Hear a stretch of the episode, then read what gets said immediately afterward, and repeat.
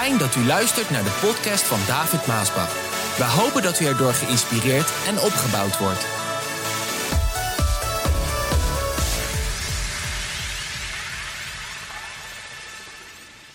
Wat zegt Jezaja? Jezaja 59. Weet je wat God zegt? Luister. Nou, als hij zegt luister, wat gaan we dan doen? Dan gaan we luisteren. Oké, luister. De Heere is niet zwak om u te redden. Nou, daar mag ik wel een amen op horen. De Heere is niet zwak om u te redden. Ik zou ook kunnen beginnen met de tekst waar we vorige week mee zijn begonnen met Jezus Christus is dezelfde gisteren, vandaag en tot in eeuwigheid.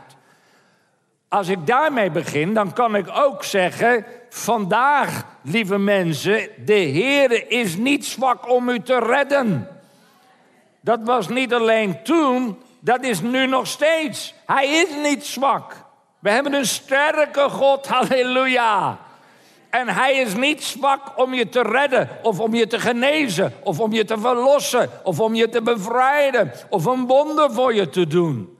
Nee, en hij is ook niet plotseling doof geworden. Waarom denken mensen dan ineens dat hij plotseling doof is geworden? Dat denk je omdat je misschien iets hebt gevraagd of gebeden en je hoort niks. En als je dan niet wat hoort, dan denk je misschien hij is doof. Hij, God is niet doof.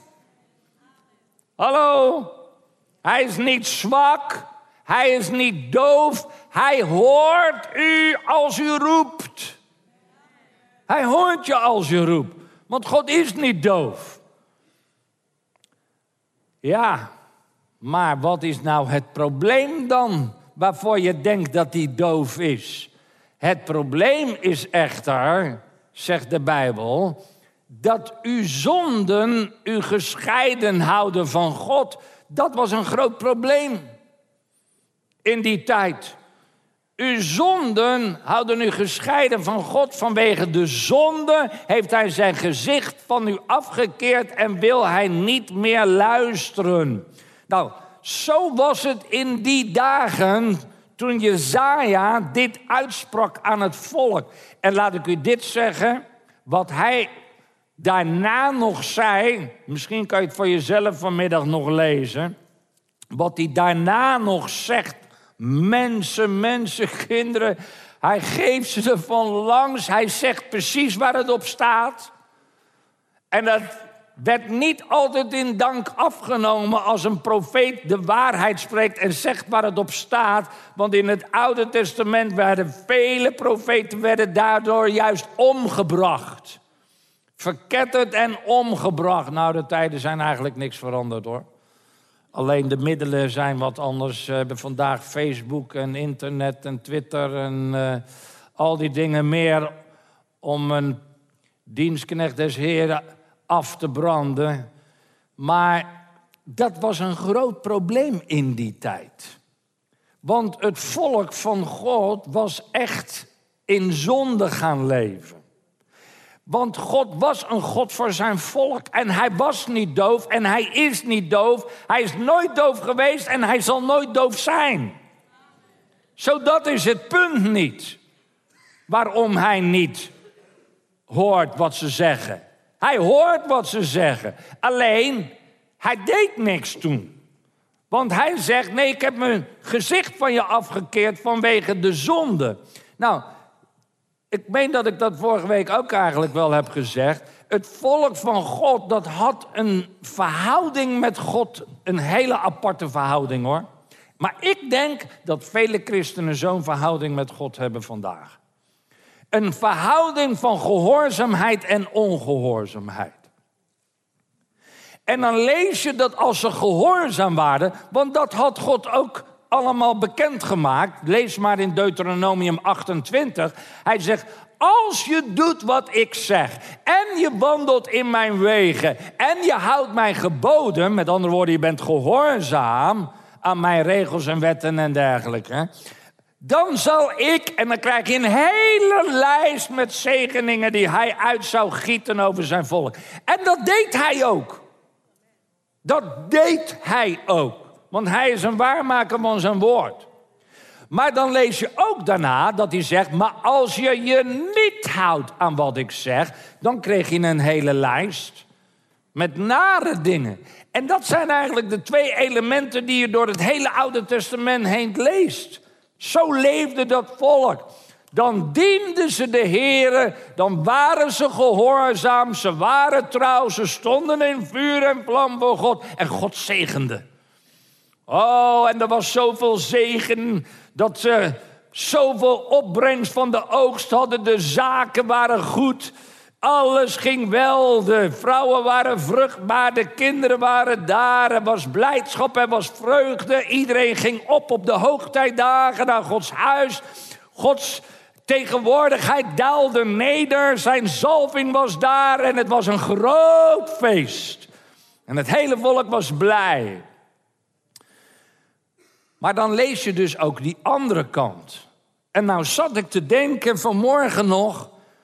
Ik dacht, kijk, die overgang van dat ene naar het andere. Dat moet ineens tot je komen, zo'n gedachte. Hè? En daarom wil ik het met je delen. Die overgang van die gehoorzaamheid naar de ongehoorzaamheid. Dat ging niet van de een op de andere dag. Het was niet zo dat de ene dag waren ze gehoorzaam en er was zegen en blijdschap en vreugde en noem maar op. En de andere dag waren ze ineens ongehoorzaam en er was uh, allemaal nare dingen.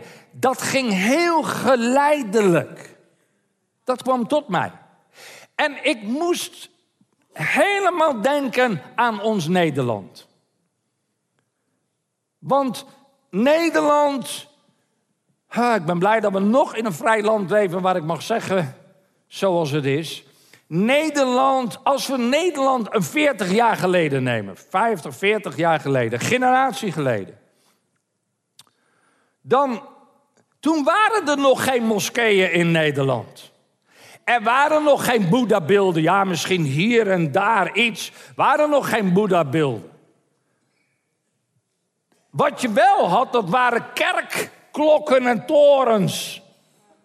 Wat je wel had, op elke zondagmorgen hoorde je de klokken door het hele land luiden.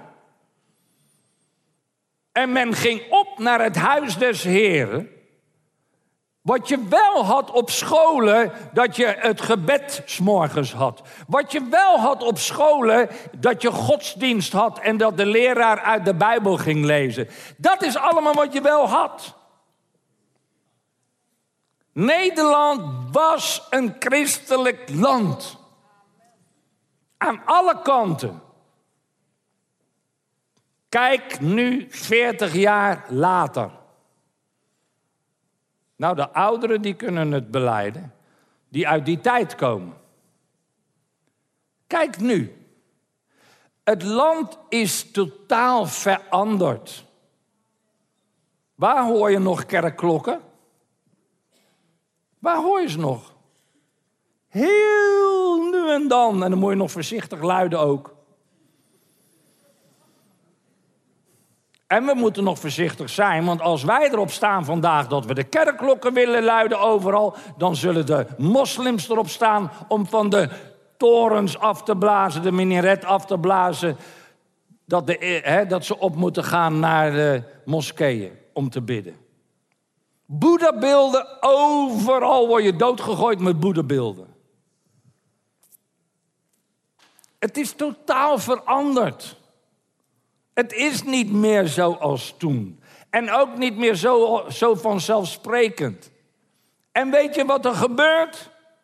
Het gebeurt precies hetzelfde als in de Bijbel met Gods volk. God geeft ons over aan al die afgodendiensten. Dat is wat er gebeurt. Ik zie dus dat een transitie van, ongehoorzaamheid, van gehoorzaamheid naar ongehoorzaamheid, Dat is niet van de een op het andere moment. Daar gaat dus tijd overheen. En dan zie je dat langzaam in de opvoeding bij nieuwe generaties... dat ze anders worden opgevoed zonder God, in vrijheid. En dit is het resultaat vandaag. Zo was het toen ook. Zij hadden een belofte. Jezaja 1 zegt...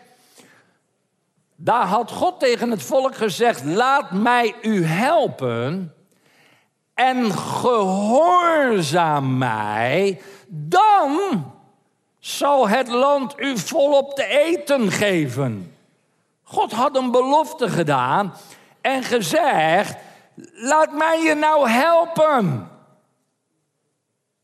Gehoorzaam mij nou.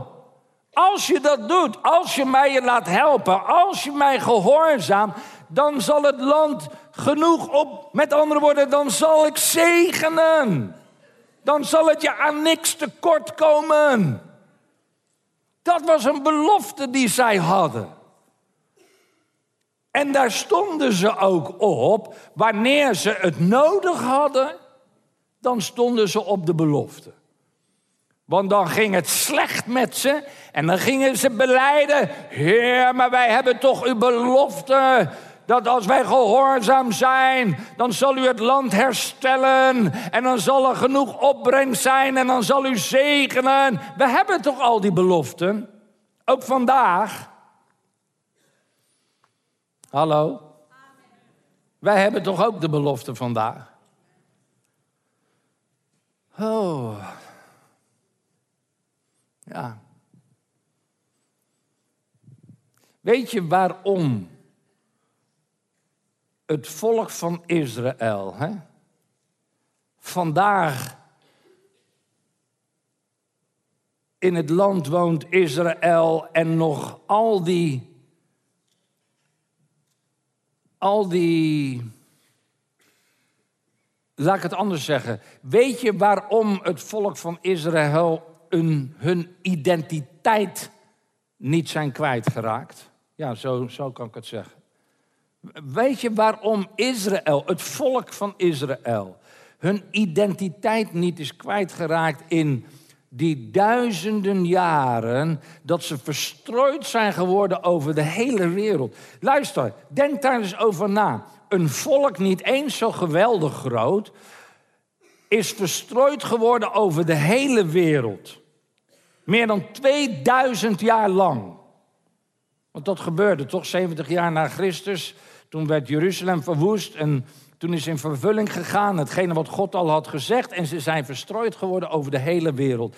En nu zijn ze weer terug in hun land en hebben ze al die wetten en regels en dingen van Mozes, hebben ze hun identiteit zijn ze niet kwijt. Weet je hoe dat komt? Dat komt vanwege de belofte van God. En dat hun op de beloftes van God zijn gaan staan. En hun kinderen daarin zijn blijven opvoeden. Terwijl ze misschien ergens in het koude Rusland zaten. In een dorpje wat bij niemand bekend is. Hielden ze de Sabbat hielden ze zich aan de regels zoals zij van de wetten van Mozes hadden geleerd. En overal deden ze dat. En toen ze eenmaal terugkwamen, toen gingen ze dat weer samen doen en daardoor zijn ze hun identiteit niet kwijt. Elk volk wat zo verstrooid zou geweest zijn, die zou totaal alles kwijt zijn. Dat volk zou opgelost zijn. Je zou misschien hier en daar nog wat lezen hoe ze leefden, hoe ze dachten, maar er zou niks van over zijn. Dat is met het volk van God niet zo. Ze zijn hun identiteit niet kwijt, want er zijn altijd een overblijfsel geweest die zich gehouden heeft aan de wetten van God. Ik wil ook zo iemand zijn in het Nederland waarin wij nu leven. Weet je waarom ik nou zo blij was? Ik stond een beetje daar naar achter om te kijken. Ik wist niet dat Jesse dit zou doen. En waarom ik zo blij was, ik stond daar, ik zeg, Heer, Het gaat allemaal door, uw salving, uw kracht in een nieuwe generatie. Dit doet mij goed. Want dit is de identiteit.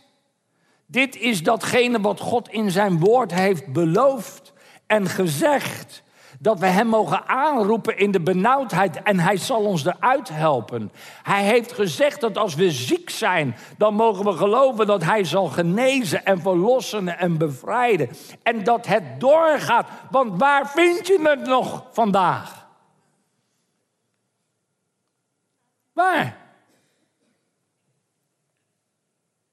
Zoveel plaatsen heb je niet meer. En er komt een hele nieuwe generatie op, die in dezelfde kracht als wij, als ik heb gewandeld. En ik had het weer overgenomen van papa Maasbach die daarin wandelde. Zo ik zie dat het doorgaat. En zo houdt God het in leven. Want tegen die achtergrond, waarvan ik dat net schetste, de ongehoorzaamheid, dat daar, ja, dat het niet meer was zoals God het allemaal gezegd had in zijn woord. Het volk leefde van God ver vandaan. Tegen die achtergrond kwam Jezus Christus. Het, het volk leefde niet zo in uh, naar de geboden van de Heer toen Jezus kwam. Nee, sterker nog, toen Jezus kwam, het lam Gods dat de zonde der wereld wegneemt, wilden ze hem niet eens hebben. En waarom wilden ze hem niet hebben? Degene die God juist zond om hen te helpen, omdat zij hadden hun religie. Ze hadden de wetten van Mozes. En ze wilden hem niet. Ze leefden niet eens helemaal volgens de wetten van Mozes, maar goed, ze hadden ze wel. Dus toen Jezus kwam en hij vertelde hun dingen over het koninkrijk van God, toen zeiden ze eigenlijk: We willen je niet en we hoeven je niet, want wij hebben onze godsdienst. We hebben de wetten van Mozes. Daar houden we ons aan. Lieve mensen, vandaag is het precies hetzelfde. Weet je wat de moeilijkste mensen zijn om tot bekering te brengen? Mensen die al een godsdienst hebben. En zelfs de wereld is heel godsdienstig geworden.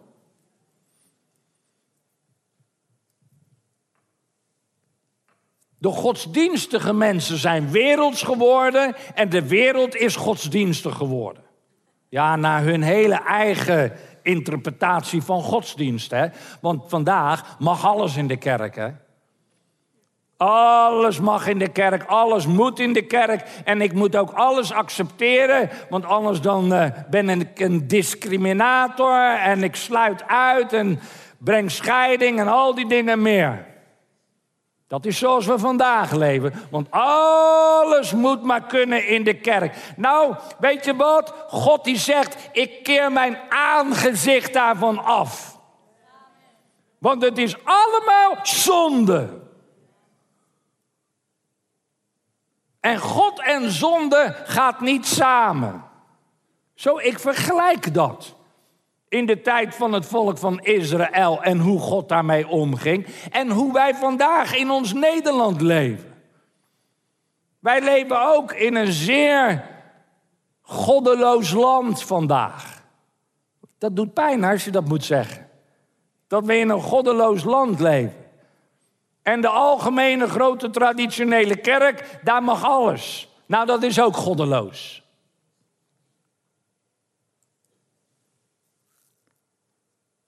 Wat ben ik dan blij dat er toch een vrijhaven is. Een plaats zoals dit. Niet de enige, er zullen er meer zijn, maar er zijn er niet veel meer. Waarin nog altijd wordt vastgehouden aan de beloften, de wetten, de regels van God. Om te leven zoals Hij het wil. Maar niet wettisch, Zoals weer in de traditionele kerk, dat als je je niet houdt aan de wet, dan ga je en dan krijg je en dan wordt alles voor je oren geslagen. En God is een, een, een slaander en een doder en weet ik veel allemaal. Nee, God is goed. Hij is niet doof om je te redden. Hij hoort je wanneer je roept. En het eerste wat je dan doet, is kijken en onderzoeken. Leef ik in zonde? Zijn er dingen die misschien niet juist zijn? Moet ik me bekeren? Uh, zijn er dingen die ik, eh, die ik weg moet doen? Uh, is er bekering nodig? Als je dat gedaan hebt, je bent oprecht. En je zou nog niets horen, wacht er maar rustig. Hij is niet doof, hij komt. Hij komt. Hij zal je redden, hij zal je genezen. Ik heb zat getuigenis in mijn boek waar ik over schrijf. Hoe God mij gered heeft. Hoe God het werk gered heeft. Hoe God de gemeente gespaard heeft. Hallo. God die kwam. In de vorm van Jezus Christus naar deze aarde. En toen die kwam, kwam die ook in een land wat eigenlijk niet naar zijn wil leefde. En hij bracht de boodschap, maar ze wilden hem ook niet. Het is allemaal vergelijkbaar met vandaag. En op een gegeven moment riepen ze zelfs kruisigt hem. Maar hij kwam toch voor alle mensen. Hij kwam niet voor alleen zijn volk. Ja, hij kwam als eerste voor zijn volk, maar die wilden hem niet. Hij zei, maar ik kom voor alle mensen. Want al zo lief heeft God de wereld gehad dat hij zijn zoon gegeven heeft. Opdat een ieder die in hem gelooft niet verloren gaat, maar eeuwig leven hebben. Alle mensen. Hij kwam voor de dokters, de doktoren. Hij kwam voor de vissers. Hij kwam voor de blinde bedelaar, Bartimaeus. Hij kwam voor die heidense vrouw. Die kwam voor haar dochter die bezeten was. Hij kwam voor Jairus, een kerkleider, wiens dochter ziek was. Hij kwam voor alle mensen. Hij kwam voor de kinderen. Hij kwam voor de weduwe. Hij kwam voor allemaal en hij kwam ook voor u. Niet, niet om jou zieker te maken als je ziek bent, maar om je te genezen. Niet om jou armer te maken, maar om je te zegenen en rijk te maken. Niet om je te oordelen, maar om je te bevrijden. Het is allemaal zo mooi. Hij kwam voor jullie, hij kwam voor mij, hij kwam voor alle mensen. En hij kwam altijd in de vorm van hun nood. We lezen in Matthäus 8. Toen Jezus in Capernaum kwam, liep een officier van het Romeinse leger op hem toe. Dat was een officier. Hè?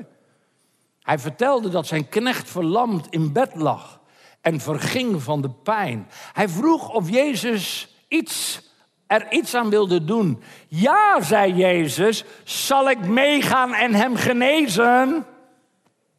Mooi hè? Nee, nee, antwoordde de officier. U hoeft niet bij mij thuis te komen. Daar ben ik niet goed genoeg voor. U kunt gewoon hier blijven. Als u zegt dat mijn knecht beter moet worden, dan wordt hij beter. Want ik moet doen wat mijn commandant mij opdraagt. En mijn soldaten moeten doen wat ik zeg. Als ik tegen een soldaat zeg ga, dan gaat hij. Als ik tegen een ander zeg kom, dan komt hij. En als ik tegen mijn knecht zeg doe dit eens, dan doet hij dat. En zo is het ook met u. Als u zegt dat de ziekte uit mijn knecht moet verdwijnen, gebeurt dat. Begrijp je wat ik net zei? Spreek het woord van geloof. Spreek het woord van geloof. Spreek het woord van geloof. Als je het zegt in de naam van Jezus, alles wat je bidt en vraagt, de Vader in mijn naam, dat zal ik doen. Spreek het woord van geloof. Jezus was verbaasd en zei tegen de mensen om hem heen: Nergens in Nederland heb ik iemand ontmoet die zoveel geloof heeft. Hallo. Het is maar de manier waarop je spreekt. Het is maar de manier of je naar voren wil komen. er zijn al mensen die dat al moeilijk vinden om naar voren te komen. Hoe kan je ontvangen als je wil ontvangen, maar je komt niet eens naar voren? Dan zijn er mensen die moeite hebben met spreken in geloof. Toch moet je het leren. Want de hoofdman zegt ook: als u het zegt, dan gebeurt dat. Op datzelfde moment werd de knecht genezen. Wel, Jezus kwam, ook voor u, vandaag, ook voor jou. En hij zegt vandaag, door mij heen tot jou zal ik komen om je te genezen. Hallo, hoor je dit? Hoor je dit wat ik zeg? Hoor je dit wat God door mij heen zegt? Zal ik komen om je te genezen? Zal ik komen om je te genezen? Oh, dat is nog een mooi verhaal in Marcus. Eentje, een van de meest aangehaalde door mij. Onder hem was een vrouw die al twaalf jaren bloed verloor. Ze had veel geleden omdat er veel aan haar was gedokterd. Ik denk niet dat dat zo in de oude vertaling staat, omdat er veel aan haar was gedokterd. Al haar geld had zij eraan uitgegeven, maar niets had geholpen. Misschien loop jij vandaag rond met dingen in je lichaam of, of in, je, in je, je denken. En, en je bent al naar psychiaters en naar dokter. Laat ik het zo zeggen, je hebt al heel wat eigen risico moeten betalen. En de eigen risico is hoog vandaag. Het is bijna 400 euro per jaar. Hallo. En ik vraag me af hoeveel van ons elk jaar die 400 kwijt zijn aan eigen risico. Dan heb je nog geluk, want er zijn landen waar je helemaal niks hebt. Dan moet je alles betalen. En dan laat je het niet doen, want dan kan je niet betalen. Bij ons kost het nog 400 euro, maar dat is een hele hoop geld. Als we alles bij elkaar nou optellen en in het offer doen, dan denk ik dat ik er een hele hoop voor kan doen. Maar zo was het ook bij die vrouw. Ze had haar geld dus daaraan uitgegeven. Nou, wij besteden dat ook aan medicijnen en eigen risico. Maar het was slechter geworden. Dus eigenlijk vergelijkbaar met een heleboel kinderen gods. Die misschien met zo'nzelfde probleem zitten. Je bent ziek, je hebt je geld al uitbesteed aan medicijnen en eigen risico. Maar nu had ze gehoord over de wonderen die Jezus deed. Nou, dat hoor je ook elke week hier. De wonderen die Jezus heeft gedaan. Vijftig jaar lang heeft God wonderen gedaan in deze plaats. Ze wrong zich tussen de mensen door naar hem toe en raakte van achteren zijn kleren aan. Als ik zijn kleren maar kan aanraken, dan zal ik beter worden, dacht zij. Het bloeden hield onmiddellijk op en zij merkte dat ze genezen was. Ze verloor geen bloed meer. Op dat moment draaide Jezus zich om en vroeg: Wie heeft mij kleren aangeraakt? Er staat eigenlijk: Wie heeft mij aangeraakt? Want hij voelde dat de kracht van hem was uitgegaan. Zijn leerlingen zeiden: Hoe kan je dat nou vragen? U staat midden tussen de mensen. Maar hij keek rond om te zien wie het geweest was. Geschrokken kwam de vrouw naar hem toe. Ze beefde over haar hele lichaam, omdat ze zich realiseerde wat er met hem, met haar gebeurd was. Ze viel op haar knieën en vertelde hem precies wat er was gebeurd. Hij zei tegen haar vrouw: Je bent genezen. Door je geloof in mij. Je bent genezen door je geloof in mij. Ga maar met een gerust hart naar huis. Je bent gezond. Je bent genezen. Vandaag, die vrouw heeft voor ons de deur geopend om ons te laten zien dat er bij Jezus zoiets is als een punt van contact. Dat als je Hem aanraakt, dat Zijn kracht jou aan kan raken en je kan genezen. Zijn goddelijke kracht in jouw zieke lichaam. Het was het moment dat zij hem aanraakte, was eigenlijk een moment dat, dat ze een soort. alsof ze haar vingers in het stopcontact deed. Hallo. Hebben u dat wel eens gedaan? Nou, ik zou het niet aanraden. Maar als je dat doet, dan voel je wat door je heen gaan. Een soort stroomstoot. Nou, als je dat doet, dan weet je, ik ben aangeraakt.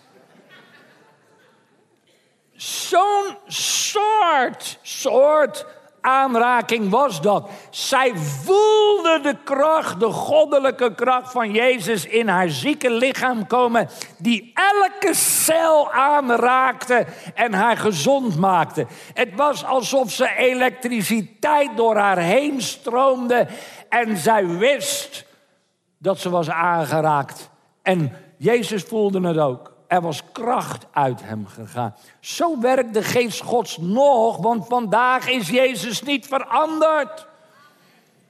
Als je hem aanraakt in het geloof, zal zijn kracht van genezing ook werken. Nou, nog eentje in Marcus. Jezus en zijn metgezellen kwamen in Capernaum aan op de Sabbat. Dus het was zaterdag, de Joodse rustdag. Ging hij naar de synagoge en sprak de mensen toe. Zij waren verdwaasd, verbaasd over wat hij hun leerde. Want hij sprak als iemand met gezag die wist waarover hij het had. Dit was zo anders dan dat zij gewend waren van hun dominees. Het is anders, mensen. Sommige preken zijn heel mooi van dominees, maar het doet niks. Het is alleen maar mooi, maar meer dan dat niet. Maar wat hebben we alleen aan mooi? Wat wij nodig hebben is anointing. Wat wij nodig hebben is kracht. Wat wij nodig hebben is autoriteit over de boze machten. Dat is wat Jezus deed. Hij kwam en het was zo anders dan dat ze gewend waren. En natuurlijk, die dominees in die tijd moesten niks van Jezus hebben. Ook dat is niet veranderd vandaag. Natuurlijk niet. Ze moesten niks van pa hebben en eigenlijk ook niet van mij. Als het erop aankomt. Misschien hebben ze nog respect. En dat zullen er heus wel zijn. Maar als het erop aankomt, willen ze niks van deze Pinksterboodschap hebben. Hallo, hoor je dit? Want wat dat betreft is het dan nog allemaal heel kerks. Maar toen Jezus kwam, was het anders. Oh, hij kwam daar met kracht en autoriteit en een boodschap en hij raakte de mensen aan en God deed wonderen. En hij is niet veranderd. Dat doet hij vandaag nog. Vertel het tegen andere mensen om je heen. Nodig ze uit naar de gemeente. Nodig ze uit naar deze plaats. Het was zo anders. In die synagoge was een man met een boze geest. Hij begon te schreeuwen: Ik wil niks met u te maken hebben, Jezus van Nazareth. U bent gekomen om mij te vernietigen, om ons te vernietigen. Ik weet wel wie u bent. U bent de heilige zoon van God. Zwijg, zei Jezus tegen de boze geest. Ga onmiddellijk uit die man. En de boze geest rukte en trok aan de man, gilde vreselijk en verliet hem. De mensen keken hun ogen uit en vroegen elkaar: Wat is dit toch? Ja, dat zullen ze vandaag ook over ons en over u. Als u vandaag met uw handen omhoog God aan het loven en het prijzen bent en u bent blij, dan zullen uw familie en vrienden kijken naar u en zeggen: Wat is dat toch wat jij hebt? Als u door de ellende en de crisis gaat en je gaat op naar het huis des Heren met gejubel en gejuich en je bent blij en je komt weer blij thuis bij je man of je vrouw of je kinderen of familieleden en je gaat door een crisis, maar je bent blij, dan, dan zeggen ze, wat is dat toch wat jij hebt? Wij zijn anders. Ja, wij zijn anders, wij zijn geen slaven. Wij zijn kinderen Gods. En we hebben beloften van God.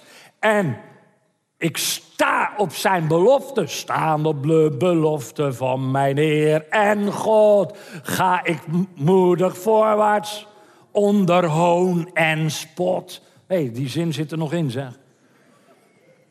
Ja, honderd jaar geleden gezongen. Het zit er gewoon nog in ga ik moedig voorwaarts onder hoon en spot. Je slaat niet terug. Je betaalt niet met gelijke munt.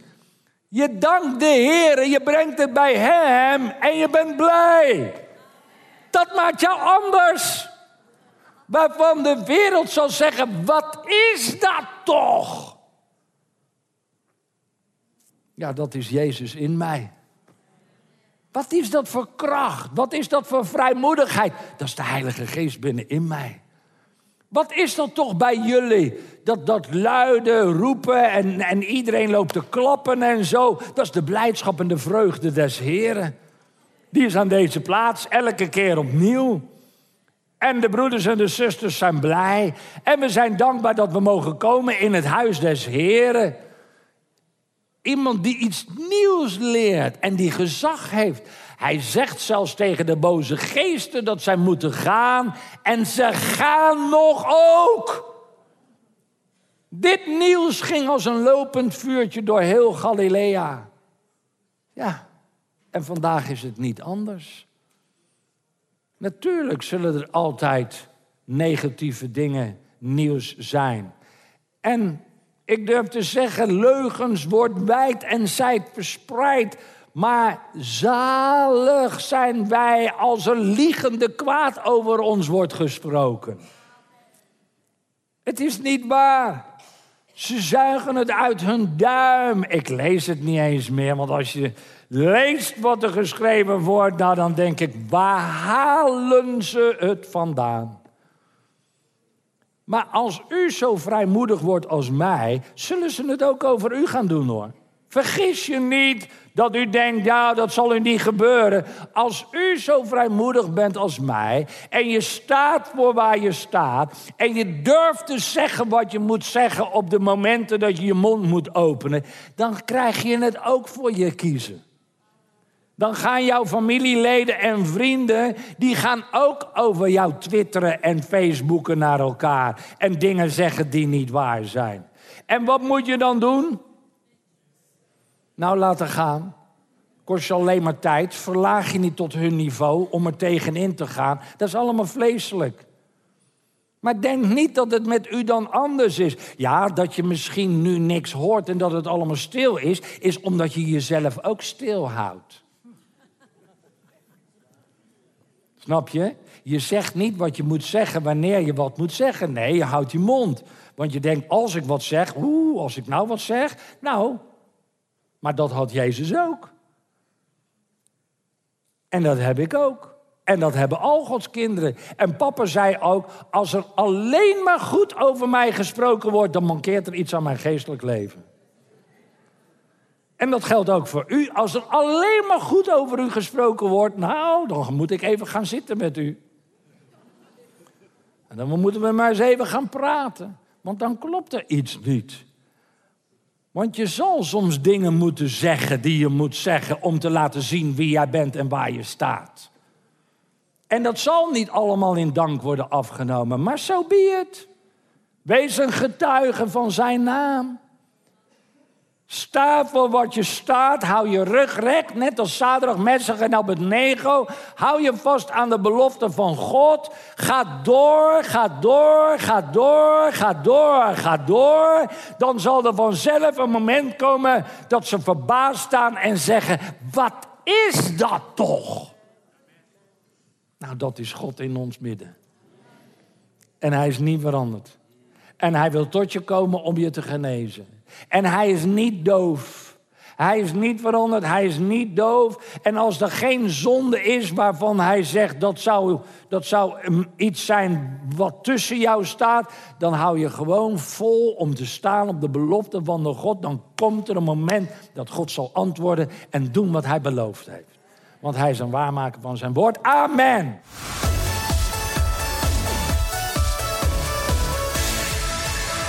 Bedankt voor het luisteren naar deze podcast. Wilt u meer preken beluisteren? Ga dan naar message.maasbachradio.com. Bezoek ook eens onze website www.maasbach.nl.